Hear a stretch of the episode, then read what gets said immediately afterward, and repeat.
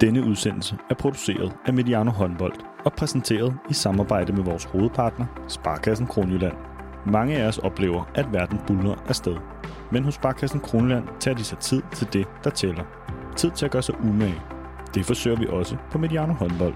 Sammen med Sparkassen Kronjylland tror vi på, at tiden vi investerer gør forskellen. Rigtig god fornøjelse.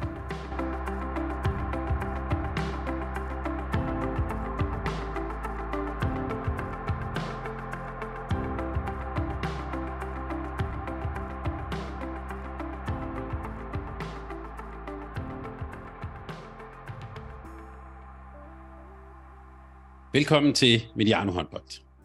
Det er blevet præcis så spændende, som vi kunne håbe på. To intense kampe, der har fremtvunget en tredje kamp lørdag. Og det, ja, det er bare kampen om bronze. Kampen om DM-guldet skal også ud i en tredje finalekamp lørdag i Aalborg.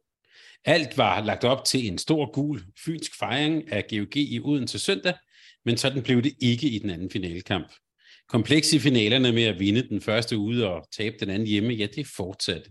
Og måske var der i Odense lidt for meget fokus på afsked med spillere og en mulig guldfest. En masse følelser var i hvert fald i spil, og så fik Aalborg en drømmestart med 1-4 efter bare 5 minutter. Nu skal vi ud i det tredje opgør i både finale og bronzekamp, og det skal vi tale om i dag. Mens vi samtidig glæder os til en kæmpe lørdag med afslutningen på herrenes sæson i Danmark. Og til at tale alt det igennem, der har vi i dag vores ekspert Sonny Larsen med os på en virtuel forbindelse faktisk fra Bergen, hvor du jo er i gang med, din, med den kommende ligasæson i, uh, i Bergen. Velkommen til, Sonny. Tusind tak, Thomas. Tak fordi jeg må være med.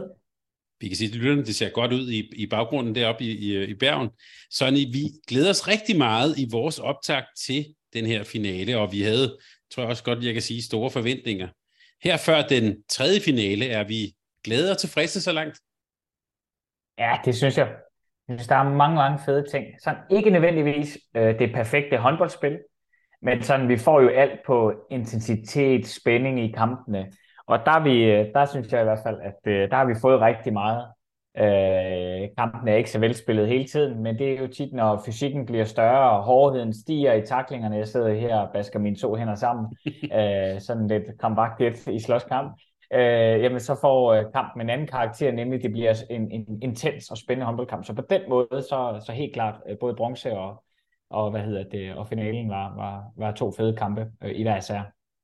Jeg synes faktisk, det var en, øh, nu kan man jo ikke se det her i en podcast, det er ikke så god øh, radio på den måde, men det der med, at du bankede dine hænder, øh, eller den ene næven ind i din hånd, altså den der sådan rivalisering, det der med, at to hold, der kender hinanden godt, kæmper indæt, det er faktisk også et af de temaer, vi skal tale om i dag, så hvad vi måske ikke har fået i pænt poleret spil, det har vi fået i, i drama og intensitet, og det, hvis vi bare lige skal lave en kort teaser, det får vi vel endnu mere af på lørdag. Ja, det bliver øh, dramatisk. Øh, hvis man ikke skal se håndbold den dag, så ved jeg ikke, hvornår man skal øh, se håndbold ellers, fordi det må være creme med creme. Og vi skal både tale om bronzekampen og finalen, men, men så sådan lige til en indledning, det der med, at både bronzekamp og finale er mundet ud i et tredje opgør, øh, skal vi tage det som udtryk for noget? Altså det vil jo oplagt at sige øh, jævnbyrdighed og alt sådan noget, eller hvad er det egentlig et udtryk for? Om jeg synes, der er en to-tre ting her, som jeg i hvert fald hæfter mig ved. Øh, jeg tror bestemt også den med kendskabsgraden til hinanden, øh, at det betyder noget for den her naturlige variation, øh, der er i performance. Og så synes jeg endelig, at med at set, at, øh, at der er betydning øh, for Fredericia i hvert fald, for den her hjemmebane, øh, og måske også til dels skærn, øh, har været lidt, øh, lidt, øh, lidt afgørende. Og så måske den, den tredje ting, det her med, at der er et eller andet psykologisk i, når vi ved, at øh, finalserierne, som det jo kaldes, så bliver det jo tit en serie. Det er jo ikke bare finale 1 og 2, vi snakker om. Så, så historien om, at der er mulighed for, at det kan blive, har det med at skabe den virkelighed, vi også går ind i. Det er i hvert fald sådan, jeg tænker, at de tre øh, muligheder, det er også sådan, jeg har oplevet det på egen krop, at, at, øh, at øh, historien har det med at skabe de, øh, de virkeligheder, vi, vi ender med at skulle, skulle møde. Det kan være, at vi lige vender lidt tilbage til det, når vi skal tale om serier og rivaliseringer. Øh, for vi skal starte med bronzekampen, før vi kommer til øh, øh finalespillet eller finaleserien. Og bronze, øh, bronzeserien, er jo mellem Skjern håndbold og Fredericia HK. Og før søndagens anden bronzekamp, der var Skjern håndbold det eneste hold, som det ikke var lykkedes for Fredericia at slå i ligaen, men det skete så. Og vi har så også et tredje opgør lørdag i Skjern. Den første kamp i Skjern, det endte jo med en knusende sejr til hjemmeholdet på hele 34-23. En kamp, hvor Skjern virkede markant bedre undervejs i kampen, eller som Peter Brun Jørgensen sagde det på tv, de fik en røvfuld, Fredericia. Men da der så var spillet få minutter i det andet opgør i Fredericia, ja, der førte Fredericia hurtigt med 5-1, og Skjern gik ret hurtigt sådan i 7 6 og havde vanskeligheder med at score mål. Sonny, sådan helt overordnet, hvordan har du det egentlig med bronzekampe og sådan den sådan bronzeserie? Ja, altså, så synes man ville være et skarn, hvis man ikke øh, skulle elske at spille de kampe, trods alt. Øh, det kan godt være, at både Skjern og Fredericia måske drømte stort, og det var finalserien, men bronze betyder immer væk, at det er en tredjeplads øh, i rækken. Så for mig at se, så betyder alt metal øh, noget i den sammenhæng. Hvis man kan tilspille sig øh, det, så er det bedre end ikke at få noget med hjem fra sæsonen. Øh, så det betyder rigtig meget, synes jeg, øh, for de hold, der måtte være der. Og det er vel så, også sådan, som jeg har oplevet i to kampe, det er vel også to hold, som, altså det er ikke ligegyldigt for dem, og om det bliver øh, bronze eller en fjerdeplads. Nej, fuldstændig enig. Det er jo helt tydeligt Fredericia, der er kommet tilbage, kan man sige, til toppen af dansk håndbold, øh, og har det projekt om at være fast i den bestanddel. Det er der mange andre hold, som også drømmer om. Altså det alt andet lige, de må være sultne efter den der øh, metaldel.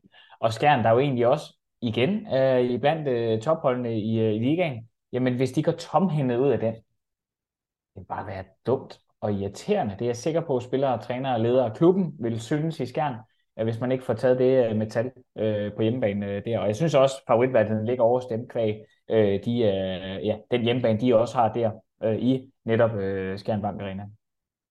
Ja, og, og jeg, jeg tænker egentlig også, at vi skal sende en kæmpe ros afsted til, til de to klubber her. Det har jo været seværdigt, også på grund af den ramme, som de ligesom er blevet spillet i. Altså, nogle gange så kan det godt en bongskamp være ligesom at kysse sin søster og kedeligt og ligegyldigt og sådan noget. Det, det er det her bestemt ikke. Altså, intensiteten i, i Fredericia var der ligesom, vi kender den, og måske en, en, øh, øh, ovenikøbet mere til, og det bliver det garanteret også i Skjern. Altså, to fantastisk gode øh, hjemmepublikum også her. Den her kamp nummer to i, i, i Fredericia, Sonny, hvad, hvad, hvad var det for en kamp, vi så der? Nå, der så vi øh, et Fredericia-hold, der var først og fremmest der var meget bedre mentalt indstillet, så det ud som om. De fik øh, hurtigere vendt tilbage til noget af det, de var, øh, var, var øh, hvad skal, har været skabt på igennem sæsonen øh, med, hvad hedder det, dels deres forsvar, lidt høje forsvar. Vi så det jo øh, eksempel, øh, at, øh, at de ligger nærmest igen 3-3-agtige, og så øh, har Skjern gjort det, at de sendte øh, Lasse Mikkelsen i overgang, øh, for eksempel en, et, et blødt center, og så ned og i noget overgangsspil, har vi set tidligere. Øh, og så skal, skal Jakob Rasmussen ind og duellere og vinde de dueller. Og der i hvert fald i den her kamp øh, viste det sig, at øh, Fredericias målmand virkelig havde taget hænderne med, sådan lidt øh, lemands øh, sagt. Og, øh, og hvad hedder det, var en fantastisk øh, oplevelse for på den øh, måde at være vidne til, at øh, målmændene gjorde det fantastisk øh, godt. Øh, og så synes jeg også Fredericia der igen tilbage til 7 mod 6, men, men jeg tror, det allervigtigste, det var det mentale til at ramme ind i den kamp. Og jeg tror ikke, jeg fornærmer nogen ved at sige, at der ramte de lidt uden for skiven øh, i kampen i Skjern. De kom aldrig tilbage og fik kæmpet sig tilbage. Det tror jeg selv, de vil være mega skuffet over. Når det nu er sket, så er det sket, men nu har de muligheden for at være med igen, øh, Fredericia. Øh, og øh, Skjern spiller vel egentlig sagtens, selvom de taber en, en ganske, ganske god kamp, skal man bare lige huske øh, Skjern, øh, det her i kamp 2. Øh, det er jo ikke fordi Skjern spiller, øh, spiller dårligere end i kamp 1, men øh, det er jo lige sådan marginalerne her, hvor Fredericia blev mere konkurrencedygtige, så Skjern spiller også en, en øh, ganske, ganske øh, fornuftig øh, kamp på mange områder. Et tema, som jo vi helt sikkert også kommer til at, at vende omkring øh, øh finalespillet og GOG og Aalborg. Nu, nu siger du det mentale, altså vi er jo også ude på et tidspunkt af sæsonen. Det kan være, der er trætte ben, trætte hoveder, øh, man har været meget igennem. Er det, når det alt kommer til alt her, er det øh, også sådan, at det er de hold, der øh, kan man sige, mentalt kommer ind og, og kommer ind med den, ja, han har sagt, den rigtige historie til de afgørende, den, den afgørende kamp. Er det også den, der vinder på lørdag, tror du? Det korte svar er ja, det tror jeg egentlig. Øh, fordi det handler ikke om trætte ben på nuværende tidspunkt, forstået på den måde. Det har de alle sammen. De er alle mm. sammen ondt et eller andet sted, fuldstændig ligegyldigt. Det mentale bliver det afgørende moment i, hvem der har de ressourcer.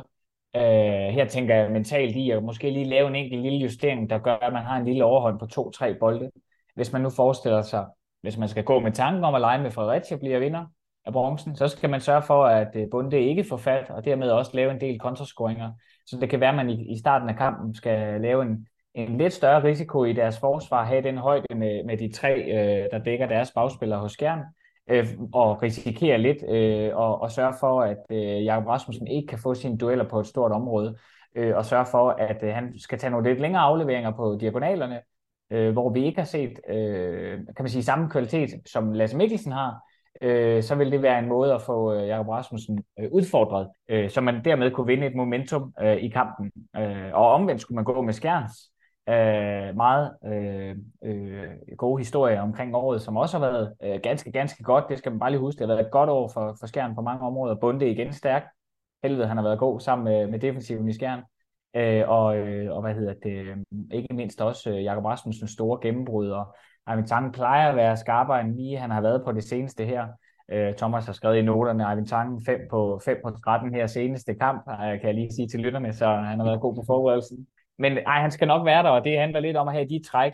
Øh, det kunne være noget 7 mod 6 i spillet, som gjorde, at, øh, at Skjern lige havde en lille overhånd, hvis man skulle gå i deres retning, øh, for at de vinder bronzen. Øh, det er jo de små ting mentalt, der gør, at vi har et overskud som atleter eller trænere. Ja, det jeg også har skrevet i noterne, kan jeg sige, det er bundet med 24 redninger så langt i de to kampe. Ikke? Og så øh, noterede jeg mig bare, at Thorsten Friis, han gik ud af kamp nummer to med en redningsprocent på 41, og så kom Emil op ind og havde en redningsprocent på 44 til sidst. Og afgørende mm. også den øh, klassiske Emil Tellerup øh, tv-redninger til sidst. Så der var også lidt mm. sådan noget af det, som, som, som, som gjorde en forskel. Øhm, et, et, et tema, som jo vi jo altid taler om af naturlige grunde med Fredericia, det er jo det her øh, 7 mod 6. Det spillede Skjern også en del i, også i kamp nummer to. Og, øh, og jo en ret interessant, synes jeg, kontrast til finalerne, hvor Aalborg har prøvet det med meget ringe held. Sådan, altså, men det her, det er, jo, altså, det er jo to hold. Det får vi vel også at se i kamp nummer tre øh, af, af, af, bronzespillet her. En masse 7-6. Ja, det tænker jeg også. Øh, og hvis øh, afhængig af, hvor skarp øh, Arne Tangen er i forhold til den her kildescene, så vil det i hvert fald give ham lidt mere øh, overskud øh, i forhold til de skud, som han skal ind og tage, så der ikke bliver så meget duel. Og det er jo noget af det, der kan mindske øh, hvad hedder det, ja, øh, trykket på hans akillescene, hvis den i forvejen er slidt, jamen så er det at give ham noget mere overskud, ved at, øh, som de har gjort tidligere, at spille noget øh, ja, Barca eller fransk bevægelse over i venstre side, og have to stregspillere over ved, ved skytten, over ved Arnitangen, så han kan komme ind og, og, og skyde, hvor han er aller, aller bedst øh, sådan lidt usineret der. Og så har man muligheden for i skærn at øh, trække øh, nogle, øh, nogle fine muligheder, øh, også mod det lidt højere forsvar der. Øh, men jeg er ikke sikker på, at de kommer til at bruge det så meget. Øh, de har jo ret været ret konsekvente på at spille mere på duellerne mod, øh, øh med Jakob Rasmussen, som har fyldt meget øh, her, i, øh, her i spillet. Men øh, en lille nuance, som øh, Lasse Mikkelsen i hvert fald bringer ind, det så vi jo allerede tidligere øh, her, da han kom tilbage. Han spiller jo lidt anderledes. Han spiller lidt mere øh, på hans skud jo, øh, og det spil i 7 mod 6 vil ligge meget godt til ham. Så det kan være en mulighed for at uh, dosere Armin Tangen selvfølgelig, men også give uh, Jakob Rasmussen lidt andre opgaver, end at bare skulle løbe ned og duellere hver evig eneste gang. Så, så jeg tror, det bliver et stort værktøj, også for skærm. Ja. Ja, for de havde vel også, hvis vi nu kalder den, hvad skal vi kalde det, Kronborg Jacobsen-varianten, altså med, med to stregspillere faktisk over, i det her tilfælde var det så over ved Tangen, og så ja. skulle Jacob Rasmussen øh, køre på. Det lykkedes ja. vel kun delvist, ikke? Altså, øh, de, de var meget gode til sådan at, at, at lokke ham lidt, men så egentlig også at kunne holde ham derovre, Jacob Rasmussen. Jeg er fuldstændig enig, ikke også? Så, og der tror jeg, vi vil se nogle ekstra varianter, øh, at lige præcis øh, det er 7 mod 6 spil. Men det har jo været stringent for, øh, for skærm, hvis man lige skal sådan holde fast i, at, at der, hvor de måske også faktisk har været skarpe jo, det er jo på de dueller omkring Jacob Rasmussen, og det viderespil, der ligger i, i, i forbindelse med det. Så, øh, og så synes jeg, lige der, hvor at, at øh, Buric, øh, Benjamin Butch, øh, kan man sige, vi har set, at han mangler måske lige et par gribninger eller to, og det er en udfordring mod øh, sådan et hold som Fredericia, fordi de dækker på den måde, de gør. To gode hjemmehold, der har vundet deres hjemmekampe, så du er også lidt inde på, hvis vi skal sådan kode det sammen, Skjern må vel trods alt være favoritten til at tage bronzen her. Ja, det synes jeg. Øh, sådan overordnet set helt klart. Og så øh, den her, øh, hvad hedder det, øh, defensive defensiv kamp, eller lad os sige, hvem finder bedst løsningerne mod øh, 7 mod 6 spillet her. Det bliver det, der tror jeg bliver tung på vægtskolen, sådan, øh, sådan helt, øh, helt øh, overordnet set, hvis man skulle lave et nedslag, der måske afgjort de her, øh, det her metal. Det får vi afgjort øh, lørdag, og noget af det, vi også får afgjort lørdag, ja, det er jo simpelthen det, det danske mesterskab. Og Aalborg mod GOG, ved at udvikle sig til sådan det, vi godt kunne kalde for en ægte rivalisering. Det er sådan set ikke det samme som et, et, et, et derby, Øh, Sonny, du sidder i Bergen, der er jo, får du næste år et totalt øh, lokalt derby deroppe, og dem findes der rigtig gode af. Skjern mod, øh, mod Tvis, som de altid ynder at kalde dem, er jo også et, et vi har i, øh, i, øh, i, i dansk håndbold. Men en rivalisering, her, her, her tænker vi rigtig meget på de her sådan... Øh, Øh, hvad kan vi sige, top, øh, topbrag, eller i virkeligheden også kampe om dueller om mesterskabet. Og som Henrik Mølgaard sagde om det at skulle spille den, en, en serie her, inden kamp 1, der gik de rundt og talte pænt med hinanden. I kamp 2, der var GOG og Aalborg spillere allerede rigtig godt trætte af hinanden, og nu skal vi så se frem til øh, kamp 3. De her rivaliseringer, det giver i den grad liv til de store historier, også i sporten. Og vi har nu gang i endnu en formidabel finaleserie mellem de to kompetenter her. Det er den fjerde finale mellem GOG og Aalborg. Og de her serier er jo ofte dem, der får sporten til at leve. Sonny, hvordan har du det med sådan nogle rivaliseringer i sporten? Fantastisk. Det er det, der gør, at vi øh, også kommer i hallen, ud over alle de andre fede oplevelser, men, men det er jo med til at gøre det lidt større. Det er med til, at der er noget ekstra at tale om, fordi man ved godt, efter man har vundet eller tabt, og den er tof at komme igennem dagen efter, så man, nogle gange så spiller man jo nærmest mere for at undgå at tabe, end øh, for at vinde den der, fordi man ved bare den skam og den øh, træthed, der er ved, at øh, hvis man skulle lide nederlaget, øh, den er frygtelig at være i, øh, uanset om de andre har gjort det godt eller skidt. Ja, fordi altså, jeg, jeg tænker også i håndbolden, der, øh, øh, at vi har jo ikke helt så meget sådan en klassiko, fordi nogle af holdene skifter jo sådan historisk og sådan. Øh, men nu ved jeg jo, at du har noget med, med Kiel. Altså, Kiel mod Flensborg, det er jo både lokalt nordtysk, men har også været kampen om, om mesterskabet og sådan noget. Er det, ja, hvis du skulle pege på sådan en yndlingsrivalisering øh, i håndbolden, hvad, hvad, hvad skulle så være din? Det vil være, det var også den første, det var også den første, jeg tænkte på, da du øh, kom med det her omkring øh, rivaliseringer. Jeg synes, det er det, det bedste. Ellers så synes jeg faktisk, at, at øh, så synes jeg faktisk at også en personlig favorit, Skjern Svis. Jeg ved, det er en sjov historie, og, og jeg ved, øh, det er jo fordi, jeg sådan øh, lidt, i, lidt før i tiden øh, særligt øh, fulgte særligt Skjern med Jesper Jensen, og, og den omgang øh, rigtig, rigtig meget. Øh, det var en spændende tid, da han også var på landsholdet og så videre, hvor at han var en øh, stor øh, inspiration, øh, og er stadigvæk, skal jeg sige, øh, som, men nu som træner. Øh, og derfor var det lidt sjovt at se den her øh, øh Skjern øh, Tvis øh, duel og omkring det her med rivalisering, ja, så har en af vores, øh, skal vi sige, meget opbragte overvågne lyttere uh, spurgt, hvor rangerer Aalborg mod GOG i forhold til all-time rivaliseringer? Og det har jeg simpelthen, uh, Sonny, uh, sat mig ned og forsøgt at give et bud på. Og jeg har simpelthen forberedt en all-time top 3 over rivaliseringer i toppen af dansk håndbold på herresiden. Er det okay, hvis jeg lige, hvis jeg lige tæller ned fra 3 til 1, Sonny? Er du med på den? Ja, det er fremragende, og jeg må bare lige starte med at rose, øh, hvad hedder det, lytteren der, fordi jeg synes faktisk, det er et rigtig, rigtig godt øh, spørgsmål lige at få den del med. Og øh, du kan jo byde ind bagefter, og det må I som lytter også meget gerne gøre, hvis I er enige eller uenige. Men som nummer tre, der har jeg faktisk denne her Aalborg og GOG rivalisering om det en som vi ser lige nu. Også fordi, at jeg tænker, at den er slet ikke slut endnu. Det er som sagt den fjerde finale mellem de to hold, og Aalborg GOG har jo kvalitetsmæssigt og internationalt skilt sig ud i toppen af dansk herrehåndbold.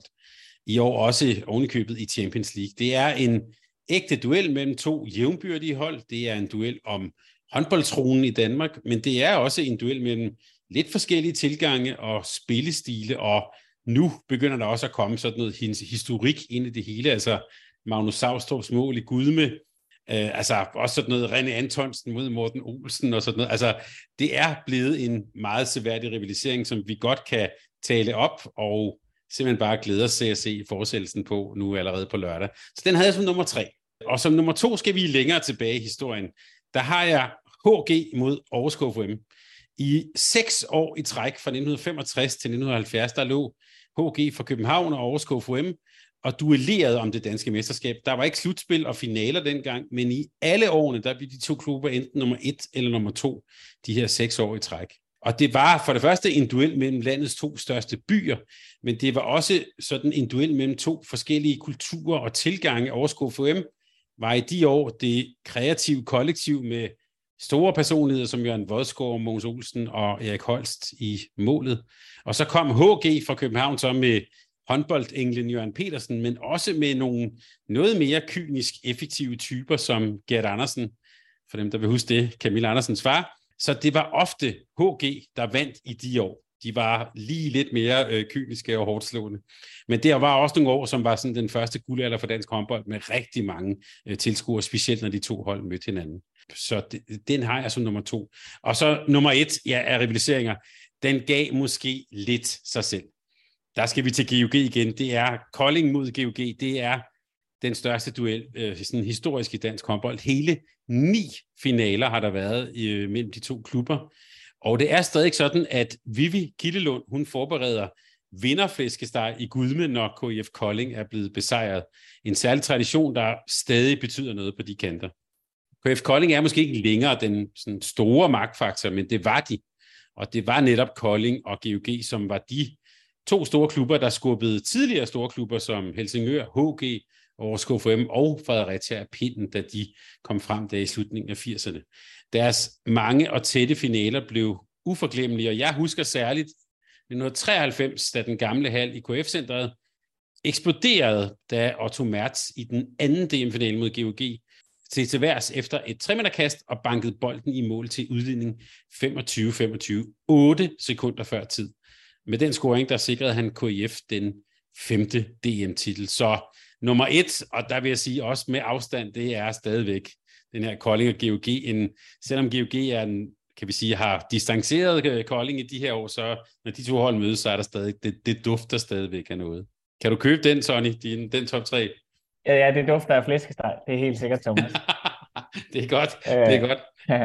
Nej, det kan jeg helt sikkert. Netop fiskesteg, altså det er jo øh, det, den type sådan, uh, traditioner og sådan noget, det er jo også noget af det, der får håndbolden til at leve her. Så fedt. Det er, det, akkurat, uh, det er akkurat, hvad der får håndbolden til at leve. Lidt ligesom jeg forestiller mig, Levi, Mors, uh, Ty, et kæmpe opgør og så videre, så videre. At der er rigtig, rigtig mange uh, spændende opgør uh, rundt omkring lokalt, om man så må sige, som er, som er fantastiske.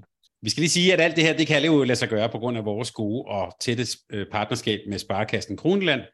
Deres øh, utallige tilfredse kunder taler sit eget sprog, så tænk på dem, hvis du står over for en stor beslutning, eller du gerne vil skifte bank.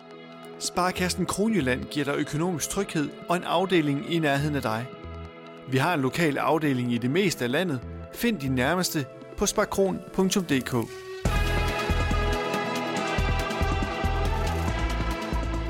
Som sagt er GOG og Aalborg de her års helt store rivalisering. De to finaler har indtil videre været seværdige, og de har ført så to ude, udebanesejre med sig. Lige nu, Sonny, der ser det ud som om, at vi to, eller og ikke mindst du, fik ret i vores optakt inden finalerne. Altså det her med, at det handler om ressourcer og tempo. Så hvis vi nu starter der og bare ser de to spillede finaler i den optik, altså det, der handler om ressourcer, hvad, hvad er det så, vi har set i de to øh, DM-finaler? Ja, godt spørgsmål. Øh, jeg synes, øh, hvis man tager kamp 1, Aalborg foran, du har skrevet så pænt i noterne 16-11 i pausen, øh, og har man måske brugt for mange kræfter? Det synes jeg var et rigtig godt spørgsmål, og svaret er, synes jeg, nej, det har man ikke, fordi man er trods alt fem, fem mål foran. Det må alt andet lige være en fordel i øh, håndbold at have noget at tage, tage af.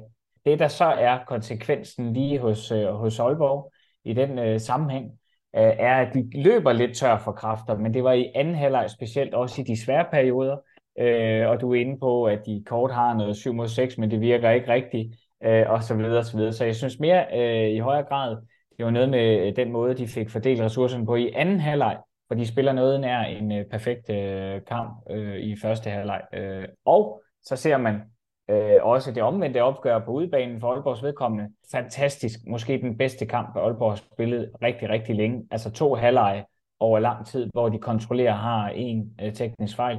Øh, det, er, øh, det er det, Aalborg kan, når de er bedst. Og så bliver ressourcerne et mindre vigtigt spørgsmål.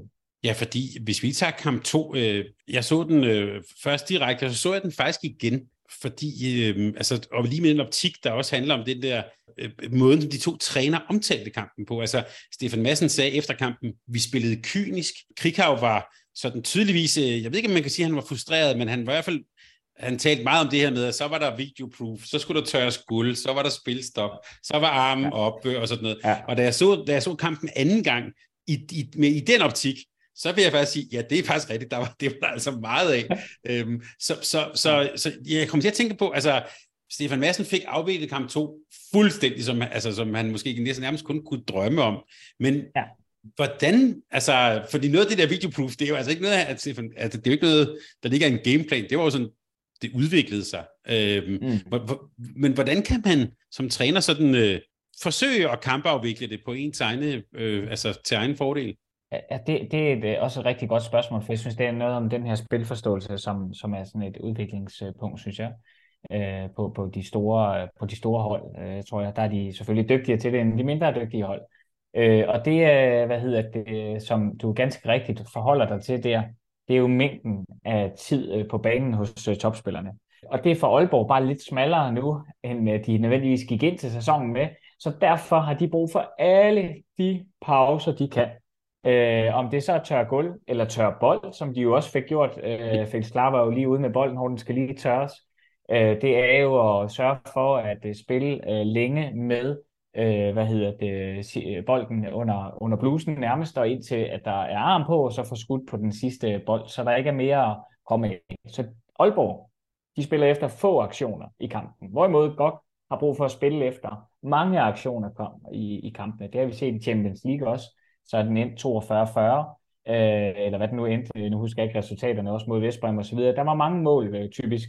Øh, det er det GOG sådan helt klassisk øh, har spillet øh, efter her i, i indeværende år.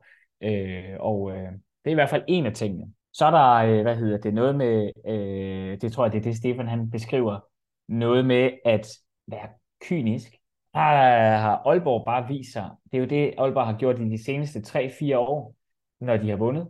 Det er jo at sørge for at være så konsekvente eller kyniske, at der ikke kommer nogen øh, kontraangreb den anden vej. Det har GOG faktisk også behersket i rigtig, rigtig, rigtig lang tid men har måske ikke samme kvalitet nu her, i min optik. De har lige lidt færre gode angreb nu. Der er rytmerne. Vi ser noget med Emil Madsen, tænker jeg også er en spændende ting, at vi kommer tilbage til, som helt sikkert også er et tema, synes jeg, vi ikke kan undgå at snakke om. Så, så jeg synes lige der, Thomas, der er noget omkring, at øh, de forsøger begge to øh, at øh, hvad hedder det, kampafvikle på deres præmisser. Og så en ting mere i hvert fald, der er noget man kan, omkring momentumskiftet, som vi, ja, vi snakkede om det lidt øh, sidste gang. Jeg synes, øh, der er Bjørnsen, han har trækket en kæmpe god angrebsfejl sidste gang, øh, for at vinde et momentum, hvor han lige har stået og skubbet lidt, så trækker han angrebsfejl, så dommeren ikke kan overse og fløjte i den retning, som er, øh, hvad hedder det, til Aalborgs fordel. Og det, der har Aalborg en lille smule mere erfaring kontra GOG, øh, men det vi jo faktisk så hos GOG, hvis man skulle lige kigge lidt øh, ind på det, det er jo også, at, at de forsøgte med Oscar Vind at skifte momentum via 5-1 Oscar vind frem i 5-1, forsøger at skifte. Vi har Laurits Ligier over på højre bak der i overtal, forsøger at skifte momentum øh, i noget af deres overtalsspil. Så det er jo ikke fordi, at GOG ikke kan, eller ikke gør, eller ikke forsøger, øh, fordi GOG spiller faktisk en meget fin kamp. Aalborg var bare lige kamp 2 lidt skarpere den her gang. Så, øh, så det synes jeg i virkeligheden også har noget med at kampafvikle. Der har man nogle, dels nogle holdmæssige taktiske opg- øh, opgaver, men der er også nogle individuelle, øh, kan man sige, individer, individualister, som kan øh, gøre, at man kampafvikler på sine egne præmisser. Så det der med at, i, i, i kamp nummer tre, altså, det, kunne vi jo, det kan jeg jo sidde og slå en lille streg eller noget, men altså, tør gulv, øh, tør bold, øh, gør det langsomt, spilstop og sådan noget, kan være noget af det, vi skal holde øje med. Jeg kommer også til at tænke på, nu er der jo faktisk en, knap en uges restitution mellem kamp 2 og kamp 3. Det bliver oplagt at tale det ind i at sige, det er en fordel for Aalborg, eller hvad? Ja, ja det er jeg meget enig med dig. Det er en fordel for Aalborg. Øh, og det er klart, at de ressourcer, de har siddende ude igennem længere tid, i Hox og kan få noget mere tid øh, på, øh, på træningsbanen, inden han for alvor, han gjorde en rigtig fin figur, og det jeg synes, det var dejligt at have ham tilbage. Øh, og vi har slet ikke øh, nævnt øh, Anders Zachariasen også. Øh, fantastisk øh, spændende og fedt, at han er tilbage. Øh, men det giver klart en fordel øh, på, på, på Aalborgs bænk, og, øh, og de kaniner, de måske kan hive op af hatten i, i Palmason. Så ingen tvivl om, at det, øh, det kan give lidt. Øh, men havde det nu været onsdag, så havde de også været klar Aalborg. Men en helt træningsuge inden den kamp, gør altså noget ved Aalborgs mandskab. Der er lidt mere luft, der er lidt mere tid til at pleje skaderne osv. Så det handler om én ting, det er at slå GOG på, på lørdag. Ja, så ro på, og endnu mere tid til måske at få bare lige det sidste to gange syv minutter ud af Arne Palmerson eller noget, kan, kunne Akkurat. måske også være... Altså, og Øh, det der med, altså, øh, nu, nu nævnte du det jo faktisk, uh, Hawks og Anders Zachariasen og sådan, altså, og, og, eller den helt store ting, som var sidste år med Mathias Gissel, der pludselig var klar og sådan noget, apropos momentum og historien og sådan. Det har jo faktisk også været, Ja, han har sagt, de der overraskende comebacks er jo lidt blevet dagens orden, altså med Mads Hock, så han, lige pludselig så sagde de, så står han klar, ikke? Øh, efter en øh, knæoperation i maj måned. Anders Zachariasen er også pludselig klar og, og indaflast i, i, i, i forsvaret, og du nævnte jo også sidst, at Simon Pytlik, han skulle nok spille, selvom han har et springerknæ, og det har han så også gjort. Sonny, du har jo også en, øh, en, en, en god fysiologisk uddannelse bag og læse idræt og så videre. Altså, der, jeg gætter på, at der nok skal sidde sundhedsfagligt uddannede mennesker derude og ryste på hovedet, når de hører Altså en, der er blevet knæopereret i maj måned, som er tilbage. Altså skal vi bare sige, at det her det er elitesport, og det er ikke sundt, og det gør ondt, eller hvad? Ja, det er et godt spørgsmål, Thomas. Hvad skal man egentlig svare til det? Men det er også en DM-final, eller hvad? Altså, er det sådan... Ved du hvad, jeg bliver stille, fordi jeg kan godt have... Altså, nogle dage, så går jeg rundt og tænker, håndbold, det er fuldstændig crazy, det vi render. Vi render og slår på hinanden nogle gange, ikke? Det er mm. den ene yderlighed. Mm. Og så øh, spiller vi med smerte i nogen, noget omfang. Det kan jeg godt have lidt øh, ned i maven, have lidt øh, ondt af spillerne, der gør øh, det. Det kan jeg faktisk. Øh, men på den anden side ved jeg også godt, øh, at det er livet også. Og havde man spillet i Bundesligaen, havde det været endnu hårdere, den øh, intensitet, der er i hver evig eneste kamp. Øh, det er vel verdens hårdeste liga der.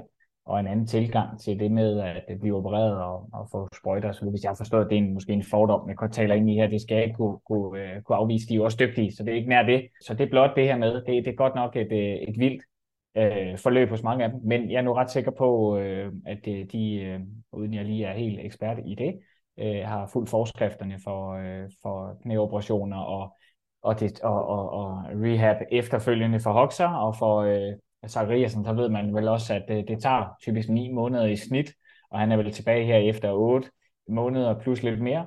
Og, og det er vel ikke øh, helt skævt at sige, at de øh, helt sikkert også har, har fulgt en god øh, plan, som, som gør, at man er fortrystningsfuld, ellers så sender man ham vel ikke øh, på banen. Øh, man ved i hvert fald bare, jo længere tid der går, og det er sådan minimumsgrænsen omkring de, de ni. Øh, men casen er en anden, når vi har med atleter på det nye niveau, som Zachariasen, hvor at de jo har hver evig eneste vågne time til at gøre noget ved det her. Han skal ikke andet. Han skal blive klar til at spille. Så vil det nok kunne gå lidt hurtigere øh, med, med, med genoptræningsforløbene. Kontra en ja, jævn motionist.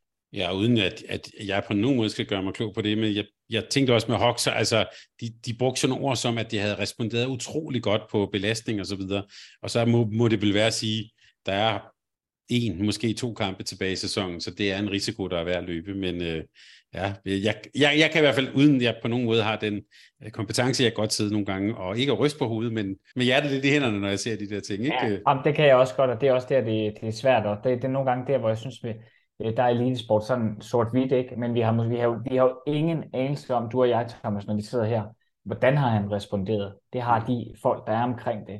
Kan de tage fejl? Ja, men det gør de jo, det ved de jo ikke. Det har de jo ikke til hensigt. De har jo til hensigt at, at gøre det bedst muligt. Det kunne også have sket for fru Hansen, der har spillet håndbold i hele sit liv og har fået en korsbåndsskade som Sariasen vender tilbage for tidligt, eller ikke får trænet godt nok. Altså, så, så så hvor er det lige henne, grænsen går? De har jo arbejdet med, med de folk, øh, de fysiske, sundhedsfaglige personaler, så det har de øh, styr på. Og det er jo også bare fordi, at jeg tænker, at Hoxer og Pytlik, det er jo også nogen, jeg bare gerne vil se i mange år fremover, også på den danske mm. landshold. Så. Og jeg vil faktisk også gerne se min DM-finale, det er jo også lidt det, der, ja, det er også der, det. Der, der er en form for paradoks. Mm. Sonny, øh, spillemæssigt, hvis vi lige, øh, øh, og måske også kigger lidt på nogle af de sådan, præstationer, det vi har set, sådan, hvad er det, vi har set spillemæssigt i, øh, i de her øh, forløb i to finaler? Åh, oh, men det er, at øh, det ikke har været sådan nødvendigvis verdens bedste håndboldkamp, hvor alt bare sidder lige i skabet. Øh, øh, sådan øh, i hvert fald i kamp 1 her i, i, øh, hvad hedder det, i begge afdelinger, nemlig både bronze- og guldkampen, øh, og, hvad hedder det, og i kamp 2 hos øh, Skjern Fredericia. Ikke nogen perfekte håndboldkampe. Øh, lige sådan kamp 2 omkring øh, guldkampen, øh, Aalborg Gok, det var jo langt mere sammenhængende øh, end øh, tidligere. Jeg tror ikke, de er helt tilfredse med spillet, øh, hverken det ene eller det andet hold. Øh, jeg tror stadig ikke, der er nogle lag op over, fordi det er det med hårdheden, når den begynder at blive hård, så bliver det jo øh, skud med arm på, som jo Aalborg eksekverer og øh, er fuldstændig vanvittigt dygtige til at få nogle gode situationer ud af, øh, til GOG's frustration helt tydeligt. Og jeg synes egentlig, at øh, hvis man lige skulle tage defensiven, øh, synes jeg er sjovt at kigge på her, at de starter begge hold, Aalborg og GOG, meget hårdt. Så går det 10 minutter, så synes jeg, at GOG's forsvars hårdhed forsvinder lidt ud. Øh, og det tror jeg også er noget af det, som egentlig frustrerer GOG en lille smule. De genvinder det så midt i anden halvleg, mener det er. Genvinder så momentet en lille smule og forvinder også kampen øh, lidt igen her. Øh, men, men det er det der med, at kunne de måske godt lægge lidt flere kræfter ind øh, omkring øh, og investere mod Aalborg, fordi så kommer Aalborg virkelig til at slide med det i kamp 3. Øh, det tror jeg virkelig er sådan den, den, øh, den helt store. De tillod jo hårdt spil, øh, også i kamp 2. Øh, det må man jo bare sige. Og vi kan vel også sige, som vi lavede lidt i vores øh, op- optakt, altså Felix klar og den dårlige vidighed om at være klar. Altså, kan vi da bare sige, at han slutter godt af i Aalborg? Kan vi ikke bare slå det fast? Og det er fantastisk at se. Prøv lige, at, prøv lige at lægge mærke til, hvor mange der bliver scoret med arm. Prøv at lægge mærke til, hvordan han skudafvikler under hårdt pres, eller afleverer, eller får frikastet. Det må virkelig være et shout-out til mange af de uh, youngsters, der sidder rundt omkring. Uh, han, han er yderst effektiv uh, på hans performance. Uh, der bliver ikke givet noget væk, bare lige for at nævne en. Uh, og så også Morten, Morten Olsen, synes jeg altså også lige, uh, altså bare lige huske, selvom han måske lige synes, for nogen var lidt væk i den ene kamp, så skal jeg da love for, at han var klar, da det, da det skulle afgøres i, uh, i den næste kamp her, uh, Morten Olsen der. Uh, Øh, så det, uh, han viser igen højt niveau, og, og får øh, virkelig, synes jeg, også spillet noget fedt uh, angrebsspil, og det, det er mega fedt og begejstrer virkelig, synes jeg. Ja, for der var jo lidt på, på tv den her med, at Morten Olsen havde svært ved at præstere, eller hvordan de nu udtrykte det mod Aalborg.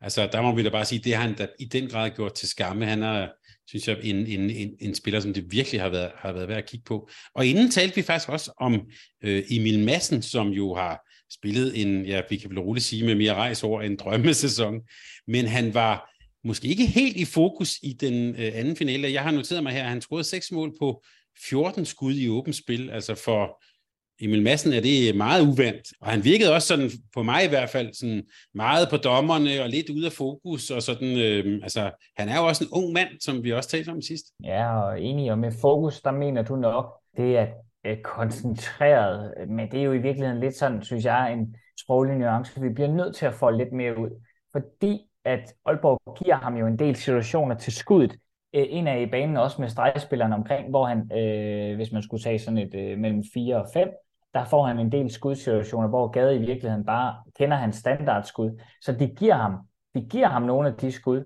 og det frustrerer selvfølgelig øh, helt tydeligt i, i, i min næsten. Og ja, du kunne ret i, det handler også om fokus på at lige ramme zonen, men det handler også om de spillemæssige udfordringer, som GOG står for, hvor Aalborg egentlig går vældig hårdt til den, og, øh, og den retfærdighed, der synes han, at øh, han får lidt hårdhændet behandling.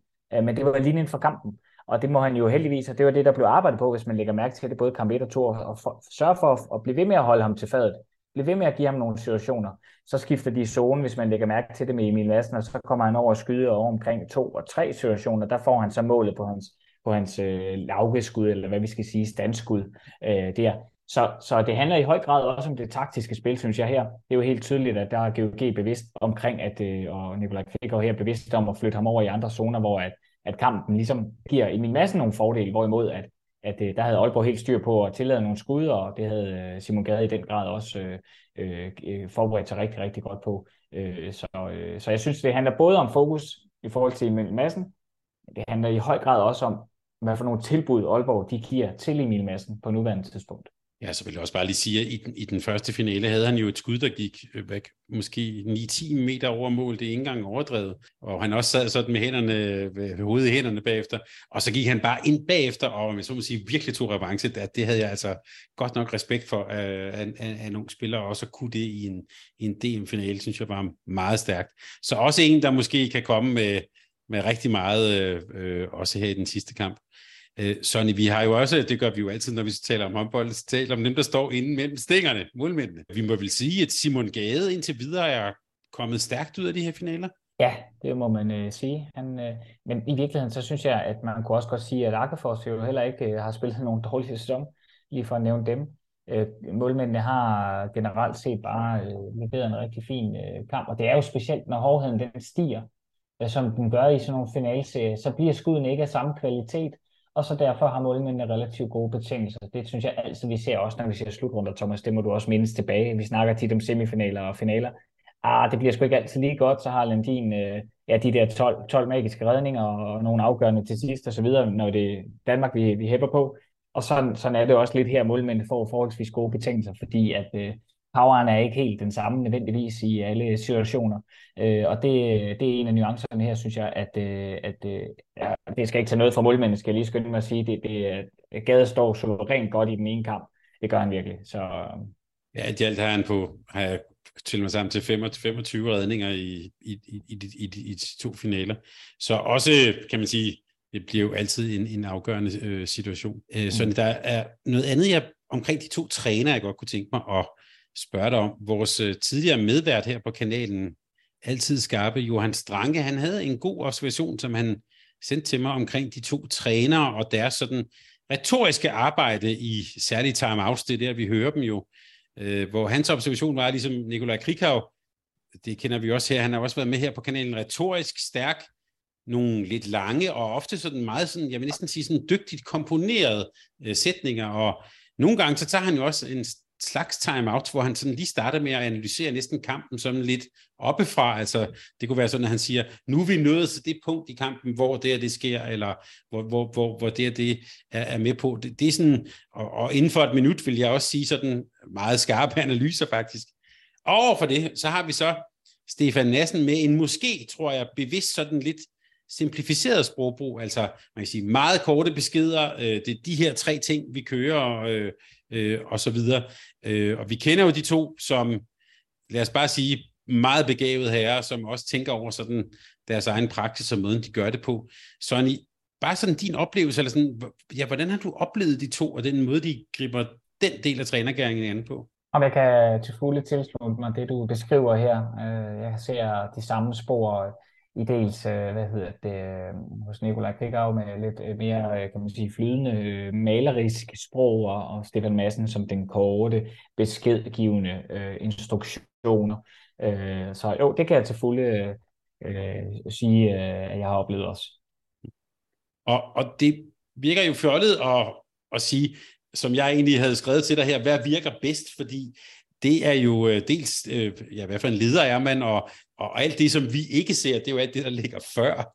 Øhm, mm. men, men, men sådan, øh, din erfaring, altså hvor meget kan man kommunikere inden for sådan et minut under et stort pres og halvøje omkring, omkring i halen? Ja, og det er også et godt spørgsmål, og jeg skal heller ikke gøre mig til nogen ekspert i, i det, fordi der er mange stile, som du er inde på, og, og det jeg hæfter mig ved, det er jo selvfølgelig den tid, vi har som træner, det er, den er begrænset.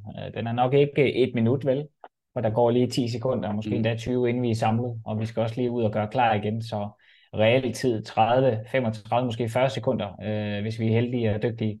Plus også, der som regel er en, der kommunikerer rundt om i timeoutsene med nogle enkelte beskeder, øh, som vi også ser Arne Adlerson gøre nogle gange lige med en enkelt spiller, sige, hey, vi gør det og det, og mens Stefan Madsen tager noget andet. Øh, så reelt set ikke ret meget, og, og øh, indflydelse har vi der. Men det er sådan lige, jeg har forsøgt at læse mig lidt op på det her, øh, for jeg synes egentlig, det er et rigtig spændende område, øh, retorikken.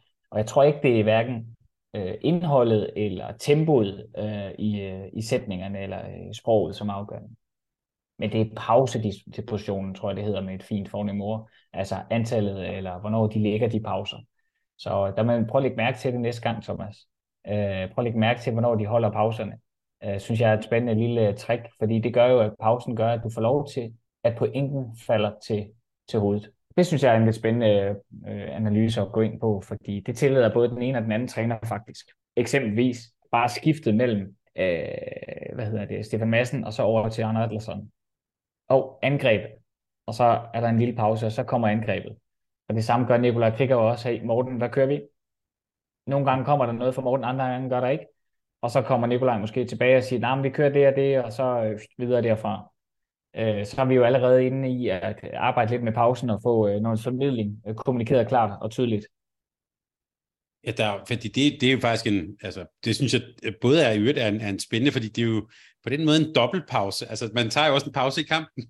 Ja. altså, at de kommer ud for noget vand lige, måske også nogle gange, jeg mener, der Krighav her i slutspillet har holdt en, hvor jeg husker ham sige, øh, nu tager vi lige, nu skal vi lige have lidt ro på, eller nu skal vi bare lige, vi skal bare lige trække vejret, tror jeg, han sagde. Jeg tror, det var Stefan Madsen. Det var Stefan Madsen. Var det Stefan Madsen? Nå, okay. Ja, det var det. Øh, men, det kan, men det kan være, altså, det er bare sådan meget tydeligt. Jeg har taget den her, fordi nu skal vi bare lige trække vejret, og så, ja. så skal vi videre. Øhm, at det, det, det får sådan dobbelt, fordi så tænker jeg, hjernen vil også, Nå, det er rigtigt nok, så, så, så slapper jeg lige i dag. Sådan, øhm, ja, og og ja. så, så taler du så også om den retoriske pause. Det øh, synes jeg er spændende at holde øje med.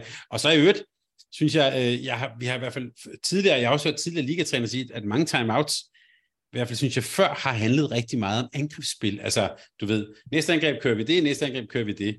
Men her, begge har jo en meget tydelig sådan, øh, jeg må sige, cheftræneren, altså det vil sige Krighav, øh, Massen, de taler om forsvar, og så er der en anden, der taler om angreb. Faktisk, det er også en meget tydelig arbejdsfordeling der. Ja, og jeg ved egentlig, at Krighav ynder egentlig selv at tage angrebene, og det gør han jo også langt de fleste mm. tilfælde. Øh, det er blot blevet mere udtalt, at Morten øh, har lov til at sige noget også der, eller hvad man siger, eller har fået mere indflydelse lige præcis på den øh, del der. Øh, men jeg tror i virkeligheden, at, at det sådan, den helt store med timeouten, det er jo også, at der sker en taktisk forandring eller en justering til de prioriteter, vi skal ind og gøre lige bagefter i spillet. Eller som du selv siger, det bryder jo momentum, øh, hvis øh, man lige tager den luftpause, hvis nu at GOG lige var på vej, og Stefan Madsen lige siger, hey, stop lige, nu ved vi, at, at øh, Morten Olsen øh, kommer i zonen nu, så nu tager vi lige og bryder det momentum, øh, som er i gang lige her. Det tror jeg egentlig er en af de formål, der også er. Det har man i hvert fald set i undersøgelser, at det bryder som oftest momentum, når man tager timeout.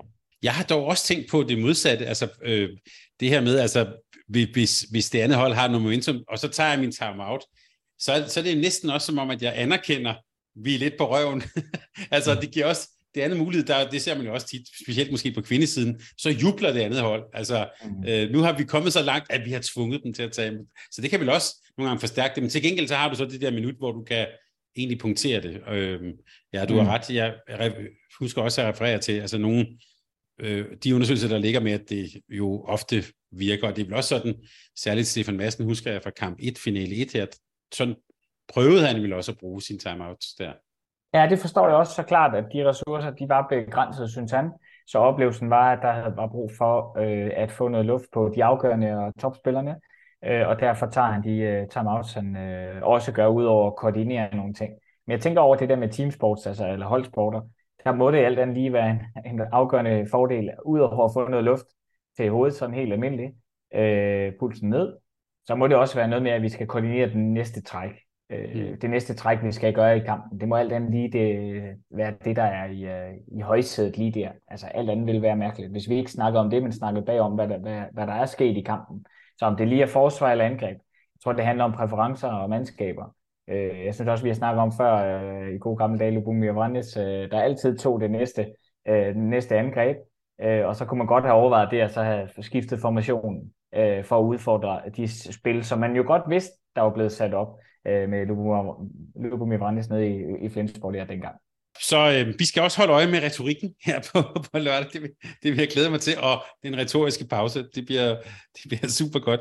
Sonny, øh, i vores sidste udsendelse, der sagde jeg, at vi var lykkeligt befriet fra alle diskussioner om dommer og tidtager og så videre. Og så slutter den første DM-finale med lige præcis en sådan diskussion. Altså det er en situation, hvor der er skridt på Morten Olsen, men hvor det hele ender i et straffekast, og i øvrigt i en efterfølgende diskussion i studiet, hvor Mads Hansen og Jesper Madsen i øvrigt meget fint stillet op til, man kan sige, debat, diskussion, øh, øh, øh, tale om situationen her.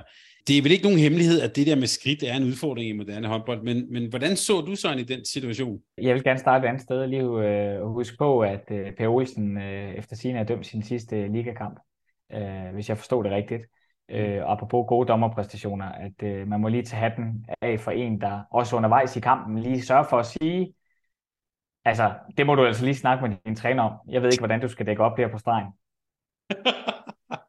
ja, det, det var virkelig det godt. synes jeg var, og det er, jo, det er jo tilbage til at afmontere os retorisk fuldstændig. Du snakker om transaktionsanalyse sidste gang. Mm. Det afmonteres jo fuldstændig. Hvad skal vi svare til det? Nej, det er du egentlig heller ikke. Jeg må spørge min træner i stedet for. Og bare lige ros til, at det er jo det, erfaringen giver. Hvor Gud, øh, hvor har han øh, dømt mange øh, gode kampe, og, og der er selvfølgelig altid, vi, vi er jo ikke fejlfri på den måde, men man, øh, han skal bare lige have noget løft med kasketten herfra, synes jeg i hvert fald. Han er en, en oplevelse, øh, som har været god for, for håndbolden i hvert fald. Så tilbage til spørgsmålet. Det var skridtkendelsen. Hvordan jeg så situationen. Øh, der var skridt. øh, der bliver dømt øh, strafkast. Jeg vil være vældig frustreret, øh, som øh, Aalborg øh, spiller lige der, det må jeg sige, fordi den har den afgørende betydning. Men når det er sagt, ja, der var nok andre situationer.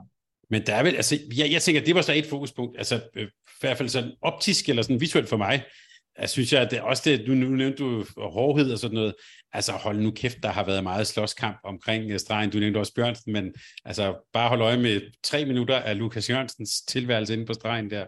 Ja. Øhm, altså det vil også, og så, så tager de lige, så stopper de lige, og så siger, at det ser grimt ud, drenge, eller et eller andet, men, men det er vel, øh, det har i hvert fald været dagens orden i de her DM-finaler. Ja, det må man sige, og, øh, og, øh, og det er... Øh det er i høj grad en intens øh, herrefight, øh, både den ene og den anden kamp. Jeg vil sige, udfordringer, som spillet er ved, du også var inde på omkring, der er bare, det er bare utrolig svært at dømme de skridt. Og dommerne i studiet også ros for, at de stillede op. Det synes jeg, det viser karakter, øh, at de stiller op og siger, hey, vi gjorde sådan her, fordi. Og det handlede for dem om det med flowet i kampene, og det kan jeg sådan set godt følge øh, dem i. Men Øh, vi skal omvendt huske på, det, det må aldrig være den øh, fortolkning af den afgørende situation. Det er altså millioner, vi har på spil her i klubberne. Mm. Øh, det er jobs, vi snakker om, øh, der bliver fordelt her.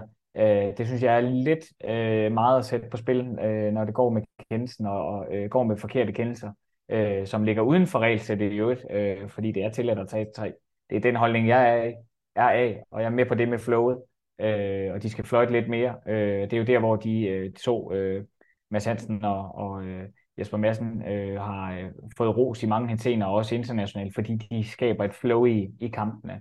Øh, det, det er jo præcis, hvad de kan øh, gøre. Sonny, nu vil jeg her til sidst, så vil jeg lige give dig et, øh, et øh, halvandet minut, gætter jeg på, øh, tænkepause, hvor du godt lige må tænke over sådan, øh, hvad du tror kommer til at udfolde sig på, øh, på lørdag. Øh, fordi i mellemtiden, så vil jeg, mens du tænker dig om, så, øh, så har jeg lige sådan en lidt mere sådan personlig kommentar efter den anden øh, DM-finale. Lytterne her, kanalen her, de vil vide, at vi igennem tiden har rost GOG rigtig meget. Vi har for eksempel lige rosten for deres øh, exceptionelle del af de to store to af de tre store rivaliseringer i dansk håndbold, vi nævnte. Vi har også adskillige gange nærmest ja, skamros talentudviklingen på Sydøstfyn. Og vi har også på mange måder rost den spirende og fremragende fankultur, som specielt det gule hjørne har været en god eksponent for. Jeg husker specielt den første DM-finale sidste år, hvor de var helt på toppen nede bag det ene mål i Gudme. Nu er de jo tilsyneladende meget sådan frække på Sydøstfyn i en kombination af nøgenløb og John Mogensen. Men altså at vise bare røv til en straffeskytte fra det modsatte hold, her var det Buster Jul i en DM-finale, der vil jeg sige, der skal, synes jeg lige, man skal finde, om man så må sige, tilbage til øh, balancen. Og det gælder også, når man i det gule hjørne øh, synger og skriver, at én klub i Danmark, altså hvis det skal betyde, at de kun elsker én klub i Danmark, så er jeg helt med.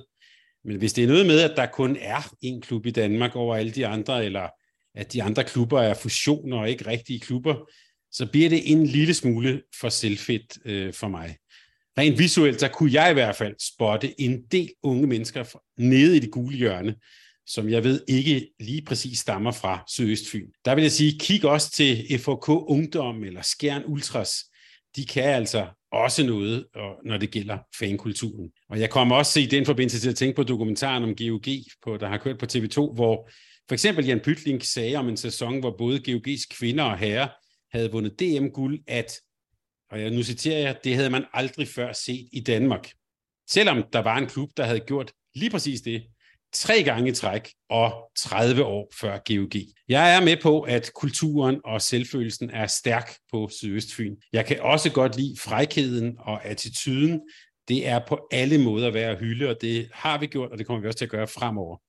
Men jeg tænker også, at hvis man er meget stor, ressourcestærk, dygtig og meget succesrig, så skal der også følge en eller anden værdighed og respektfuld ydmyghed med den storhed. Det må ikke drukne i selvtilfredshed og bar røv på tribunen. Og så vil jeg så til sidst sige, hvis I så bliver mestre på lørdag, danske mestre, så har I bare at give den maks gas, for det er I også sindssygt gode til. Sonny, nu har du haft tid til at tænke dig lidt om. og øh, jeg tænker, for at GOG mulighed, øh, chance for, er det dem, der skal give den maks gas på lørdag, eller hvad? Det får de bestemt muligheden for, og øh, jeg synes stadigvæk også, at favoritværdigheden peger lidt på dem. Øh, det gør det med de ressourcer, de har til rådighed. Øh, og øh, om det så går sådan, øh, det er jo øh, i en eksperternes svære lod. Øh, jeg ser ikke mig selv som en ekspert, men blot en øh, formidler af noget god, god håndbold her. I virkeligheden så øh, bliver det vældig, vældig tæt, og det bliver inden for 1, 2, 3 mål i begge retninger. Øh, jeg synes dog en, en favoritværdighed. Øh, på grund af ressourcemængden, som er til rådighed hos øh, GOG, så kommer de til at spille Øh, ikke øh, den bedste kamp, de har spillet øh, i sæsonen, men en, øh, en rigtig, rigtig god kamp, som, øh, som gør, at de lige tager guldet hjem til GOG. Og ja, ekspert, det er jo ikke en beskyttet titel, men, øh, men så vil jeg bare sige, Sonny, tak fordi, at du så ville dele din viden og din begejstring med os her. Jeg glæder mig til finalen, og jeg glæder mig også til at altså, tørre bolde, tørre guld, øh, og så videre, så videre. Det bliver, altså, det bliver vel en helt klassisk opgør på den måde. Det gør det virkelig. Det bliver med alt, og jeg tror, vi får øh, måske også en bare røv. Øh, hvem ved, øh, det kan godt være. ja, nu er det lige jeg bare synes også, det er sjovt. Nå, ja, ja, men, øh, ja, det er det også. Ja, okay. Det glæder vi os alle sammen til. Der kommer til at være totalt knald på, og det er jo præcis det, vi godt kan lide. De her rivaliseringer, de her finaler, det er også derfor, at vi her på kanalen synes, det er sjovt at tale om håndbold. Tusind tak, fordi du lyttede med. Tak også til Sparkassen Kroneland for at gøre alt det her muligt. Vi er snart tilbage med meget mere fra den her øh, fantastiske sæson, og øh, lad os bare sige, at øh, der kommer til at være meget mere håndbold. Tusind tak. Tak fordi du lyttede til en podcast fra Mediano Håndbold. Hvis du kunne lide udsendelsen, så husk at abonnere på Mediano Håndbold, der hvor du hører din podcast. Så får du den seneste udsendelse serveret direkte til dig. Du må gerne fortælle dine venner om os, og husk at følge os på Facebook, Twitter og Instagram. Mediano håndbold kan lade sig gøre på grund af Sparkassen Kronjylland. De er med Mediano håndbold og det kvindelige danske landshold. Tak fordi du lyttede med.